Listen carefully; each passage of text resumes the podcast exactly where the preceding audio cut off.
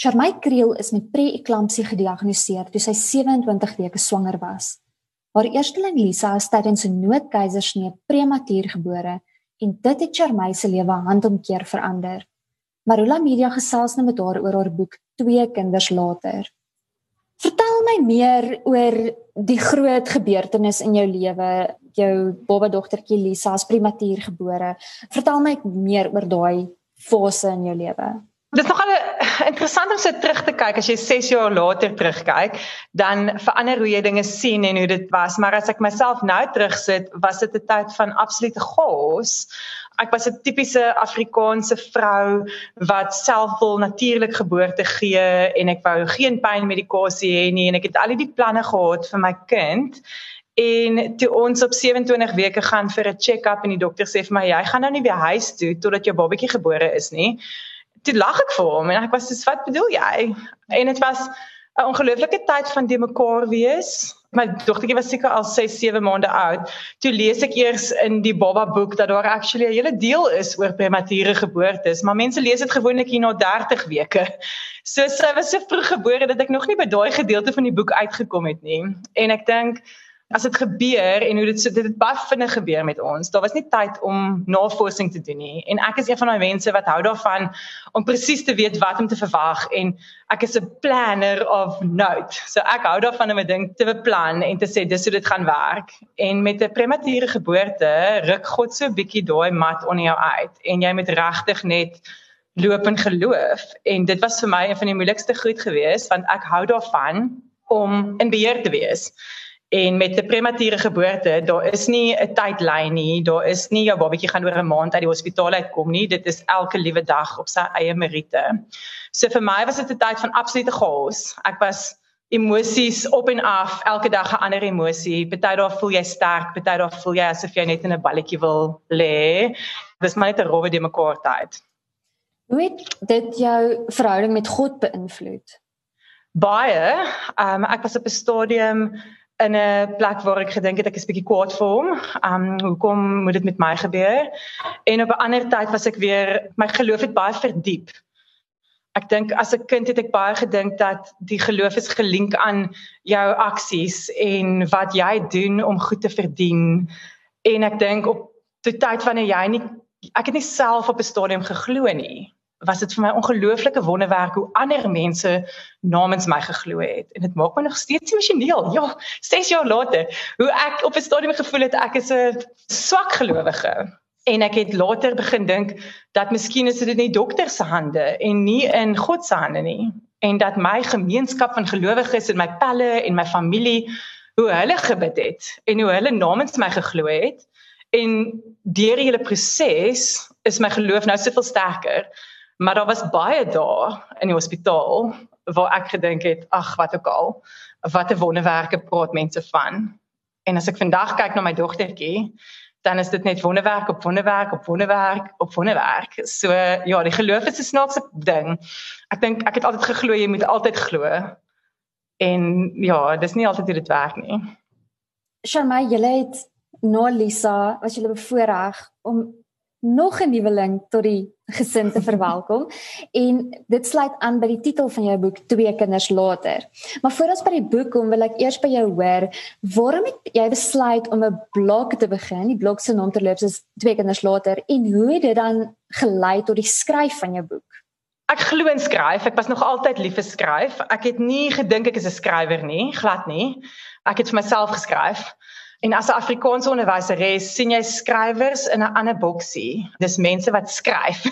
en ek glo so half dat ek nog altyd 'n storie in my hart gehad het om te skryf en met Lisa se geboorte was daar baie goed wat gebeur het en ek wil als onthou. Ek neem ook foto's verskriklik graag. So ek is ook 'n fotograaf want ek wil onthou die oomblikke en die tye en dit is my belangrik. So aanvanklik het ek geskryf vir myself. Ek wou goed onthou En terwyl ek in die hospitaal was met haar, het daar 'n dag wat ietsie gebeur het, dan het ek net in my notaboekie geskryf ietsie wat gebeur het en ek het nooit gedink dit gaan 'n boek raak nie, nooit ooit gedink dit gaan 'n boek raak nie. Ek kan nog steeds eintlik nie glo dis 'n boek nie. Maar die blog het gekom omdat een van my vriende vir my gesê het hulle wil lees wat ek al geskryf het. En so het ek vir hulle die stuk net gestuur en gesê maar ek moet nou nog die helfte van die storie skryf. En toe sê sy vir my, "Maar hoekom sit ek dit nie in 'n blog nie?" En soos jy klaar skryf, dan laai jy net nog op. Want dan hoef ek nie elke keer vir al my mense wat dit wil lees, die e-pos te stuur met die nuutste hoofstuk nie.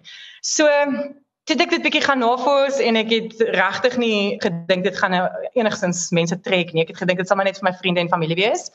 Die blog se naam was oorspronklik Lisa 28 week liefie, want dit is wat ons haar genoem het Lisa lief. En toe ek swanger raak met my tweede kind, toe ek nou op die stasie wat ek nou nie meer net oor premature geboortes praat nie, maar ek praat ook oor ma wees en oor die gous van 'n werkende ma wees en van tantrums en sakke pak en net die alledaagse goed wat ons supermaas maak. En toe moet ek die naam verander want dit is nie net Lisa se storie nie, toe raak dit ons storie. Um, en ek het lank gebid oor 'n naam en toe het die naam twee kinders later begin. En toe die boek kom, toe sê sy maar sy hou so baie van die titel. Kom ons hou dit dieselfde titel. En ek het eers gedink dit voel verkeerd. Dit voel nie vir my reg nie. In my hart het dit so gevoel dit moet meer gaan oor die premature gedeelte.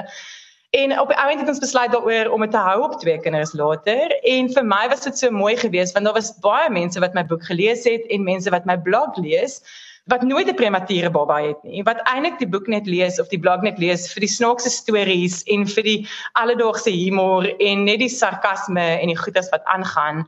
So ja, op die einde van die dag, toe verander dit nou in hierdie lewensverhaal van hoe ek 'n ma geword het en nie net hoe ek 'n prem ma geword het nie want vandag is ek 'n prem ma nie. Ek is net 'n lawwe simpel kolfoot ma wat baie praat en ja en skryf.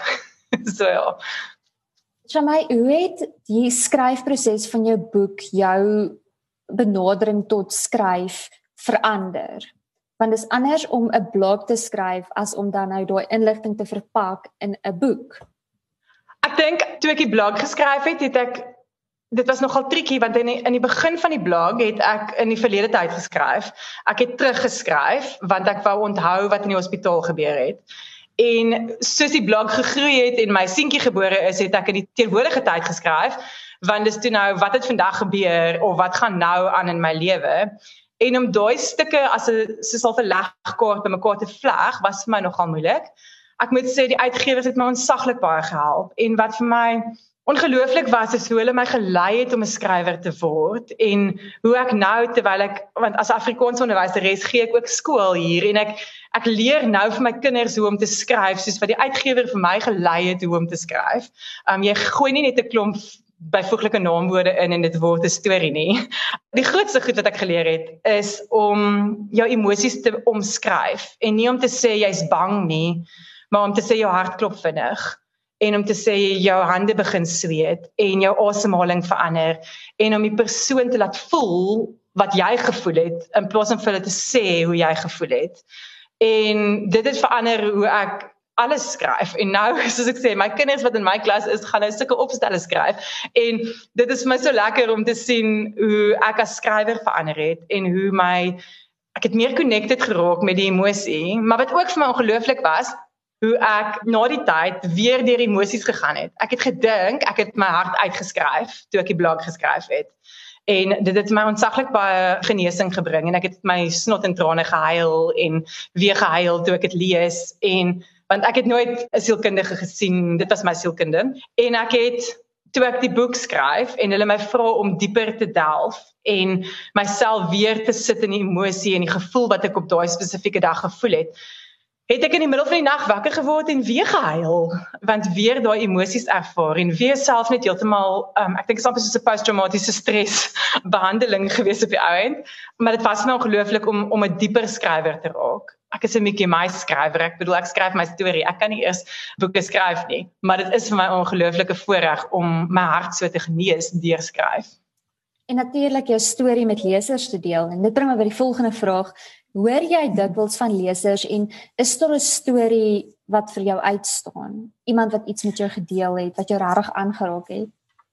Dis my gunsteling ding van my boek. Dit is my heel gunsteling ding. Almal vra altyd vir my is dit lekker om 'n boek te geskryf het en die lekkerste ding is dat ek ek het die boek laas jaar al uitgegee en ek het net laas Vrydag het 'n vrou uit die bloute uit op Facebook Messenger vir my 'n uh, invite gestuur en het vir my gesê haar seun skryf nou matriek en sy is in Rustenburg en ek sit hier in Vishoek en sy het my boek gelees en alles het net so ge met haar storie ooreengestem en hoe my boek en ons storie haar 18 jaar later gevind het en hoe dit haar genesing gebring het en haar geloof versterk het en watter ooreenkomste daar is. So dis my onsaglik lekker om van mense te hoor. Ek het 'n baie goeie vriendin gemaak wat se dogtertjie Lisa op 28 weke gebore is, op presies dieselfde dag as my dogtertjie net 4 jaar later. En dit was vir my baie kosbaar. Ek het toevallige boodskap van haar gekry en hoorie ek het die boek present gekry. En daai tipe koneksies is ongelooflik. En ons is nou nog vriende en ons kan gaan koffie drink en vir my is dit ongelooflik om so met mense te kan connect en so met mense ons storie te deel en saam te kan groei en My sussie in Engeland het ook premature tweeling gehad. Haar tweeling was ook op 28 weke gebore. Hulle was 'n bietjie ouer, maar my sussie is in Londen en ons het nooit die tyd met hulle deurgemaak nie. En hoe sy my storie gelees het en my gebel het en dan sê sy vir my, "Oh my word, oh my word, dis presies dieselfde gevoelens hier en hoe het sy nou gehuil oor 'n borsvoet storie of 'n staaltjie wat ek vertel het wat en dit het eintlik my en my sussie op 'n manier ook nader aan mekaar gebring." So daar's baie, daar's so baie stories, maar wat my lekkerste is is dat ek ook kan connect met mense wat nie 'n prembaba gehad het nie. Net 'n ma wat 'n bietjie bemoediging nodig het. Ag en baie keer kry ek 12 uur in die aand 'n boodskap van iemand wat sê, "Hey, hierdie hoofstuk het my nou hartop laat lag of ek het nou so gehuil in hierdie stukkie" en dit is vir my baie kosbaar. Sharmay, waar kan lesers met jou kontak maak? Is daar mense wat nog stories met jou wil deel of dalk net bemoediging nodig het? Waar kan hulle jou opspoor? Wel, dit hang af waar hulle is. Ek is redelik beskikbaar op sosiale media. So ek het die blog is miskien die maklikste want hy's redelik publiek. So my blog is net gewone www.tweekinderslater.com en hulle is welkom om daar vir my kommentaar te lewer of vir my persoonlike boodskap te stuur. Maar meeste van die ouer mense raak bang vir WordPress. So dan as jy wil, kan jy ook net op Facebook vir my 'n boodskap stuur, maar baie keer blok Facebook sekere boodskappe. So dis die een ding wat mense baie keer mis. Ek is ook op Instagram. Alles is net Shamai Kriel, um redelik eenvoudig. You know, is net een van my in die wêreld wat nogal maklik maak. En dan ja, hulle kan vir my e-pos stuur, maar al my details is op die internet beskikbaar. So as jy my intik en jy tik my naam in in die boek en dan behoort jy my op te spoor. En ek sal verskriklik graag mense se stories wil hoor. Dit maak my hart warm en laat sommer my weer meer glo en moedig my aan. So ja, asseblief.